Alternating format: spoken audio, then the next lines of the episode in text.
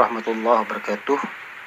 Alhamdulillahirrabbilalamin Kembali saya akan membacakan satu buah pertanyaan Untuk saya jawab pada edisi hari ini. Pertanyaan tersebut yaitu Assalamualaikum dokter. Waalaikumsalam warahmatullahi wabarakatuh. Yang saya tahu Hepatitis dan liver sama-sama penyakit hati. Lalu apa beda di antara keduanya? Samakah gejalanya dan bagaimana mengobati kedua penyakit tersebut? Terima kasih dari Randy. Baik, terima kasih uh, Mas atau Pak Randy atas pertanyaannya tersebut. Sebelum saya menjawab, saya akan berbicara dulu tentang masalah masalah terminologi. Jadi, hepatitis itu terdiri dari dua suku kata, yaitu hepar dan itis. Hepar yaitu hati dan itis adalah peradangan. Jadi yang namanya hepatitis artinya peradangan hati. Jadi kalau orang menyebutnya tidak perlu lagi menyebutnya dalam penyakit hepatitis. Cukup hepatitis saja artinya dia disebut dengan peradangan hati. Kemudian yang kedua, kalau kita berbicara liver. Liver itu sebenarnya adalah bahasa Inggris yang dalam bahasa Indonesianya adalah hati. Nah, kalau hepar tadi itu adalah bahasa Latin, sedangkan liver itu adalah bahasa Inggris. Nah, kalau kita menyebut liver saja artinya itu adalah hati. Sedangkan kalau kita ingin menyebutnya bahwa itu adalah suatu penyakit, maka kita menyebutnya dengan kata adalah penyakit liver atau penyakit hati. Jadi, kalau dilihat dari terminologi sebenarnya penyebutan ini hampir mirip saja. Tetapi kalau dalam bahasa medis kita menyebutnya kalau terjadi gangguan di hati, dia disebut dengan hepatitis. Sedangkan kalau dalam bahasa awam orang menyebutnya dengan sakit liver atau sakit hati atau penyakit liver atau penyakit hati. Nah, itu adalah secara terminologis. Kemudian, apakah ada beda di antara keduanya tersebut?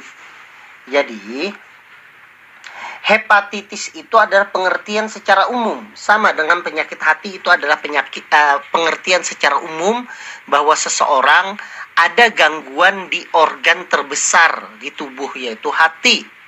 Nah, organ gangguan tersebut karena apa? Nah, penyebab dari hepatitis itu karena adanya peradangan di hati tersebut. Ditandai dengan pemeriksaan laboratorium didapatkan adanya nilai yaitu SGPT. Jadi ada namanya pemeriksaan laboratorium yaitu SGPT. Itu adalah suatu enzim untuk melihat indikator kerusakan hati. Kalau SGPT-nya tersebut terjadi peningkatan lebih dari dua kali nilai ambang batas normal, maka kita bisa menyebutnya dengan hepatitis. Berapa nilai norma SGPT? Nilainya itu ambang batasnya itu kita ambil rata-rata yaitu 45 atau 50. Jadi kalau kita dapat nilai SGPT-nya itu di atas 90 atau di atas 100 kita bisa mendiagnosa bahwa pasien ini adalah hepatitis. Nah, hepatitis itu lebih spesifik yaitu suatu peradangan hati. Berbeda dengan misalnya orang ada tumor hati, dia bukan disebut dengan hepatitis berbeda misalnya orang ada yang namanya sirosis hati atau hatinya sudah terjadi fibrosis. Dia disebut dengan sirosis, bukan namanya hepatitis. Tetapi tumor hati, sirosis hepatis dan hepatitis itu termasuk sebagai penyakit hati atau penyakit liver.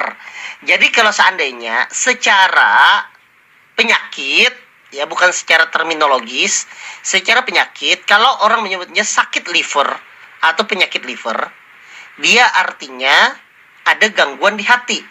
Entah itu apakah dia ada tumor di hati atau dia ada kanker hati atau misalnya dia ada sirosis hati atau dia adanya hepatitis.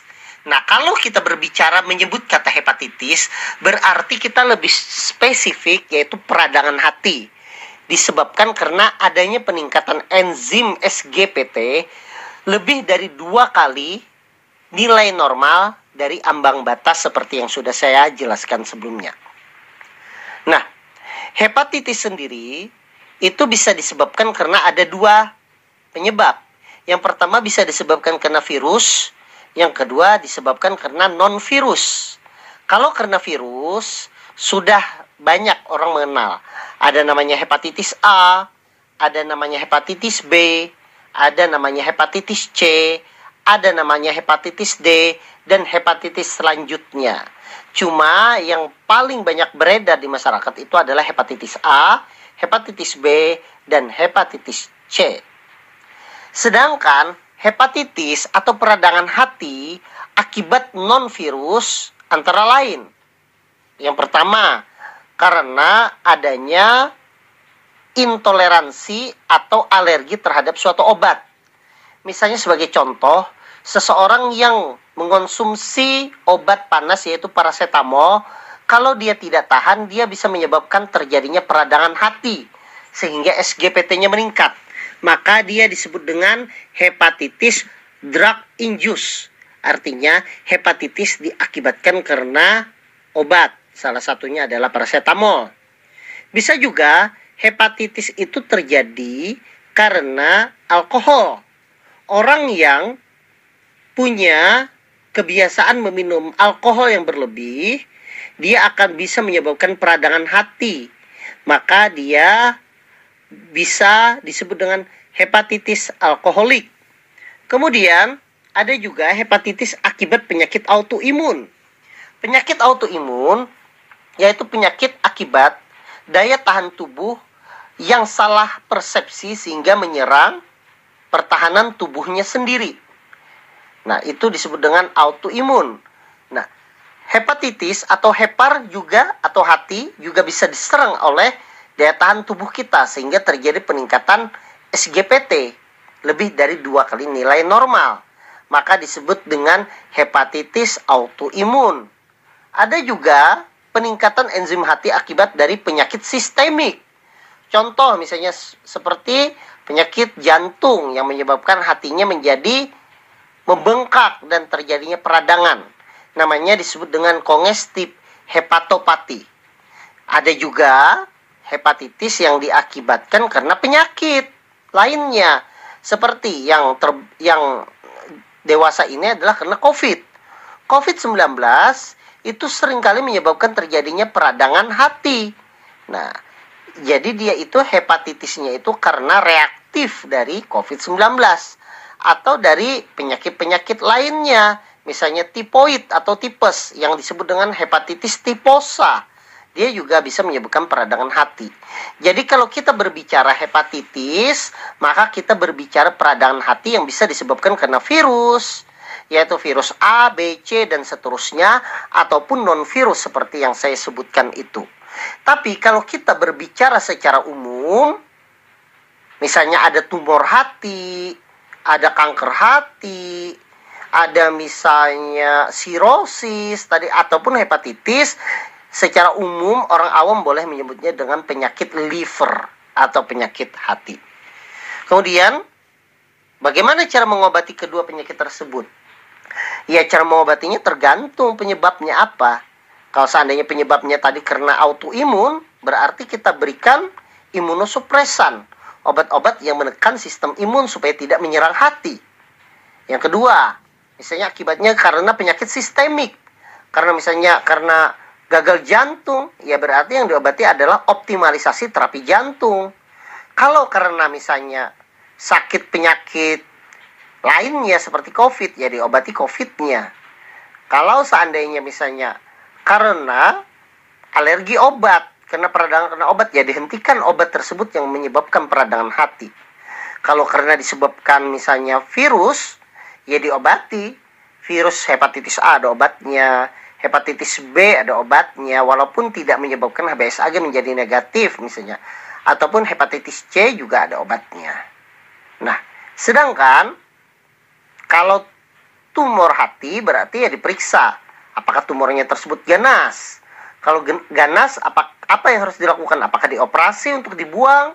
Apakah dilakukan e, kateterisasi dengan emboli dengan embolik kemoterapi? Artinya memberikan langsung e,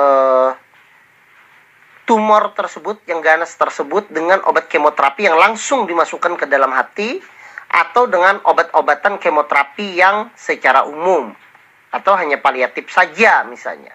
Itu lebih luas lagi. Jadi saya saya katakan bahwa itu tergantung dari bagaimana penyebabnya tersebut.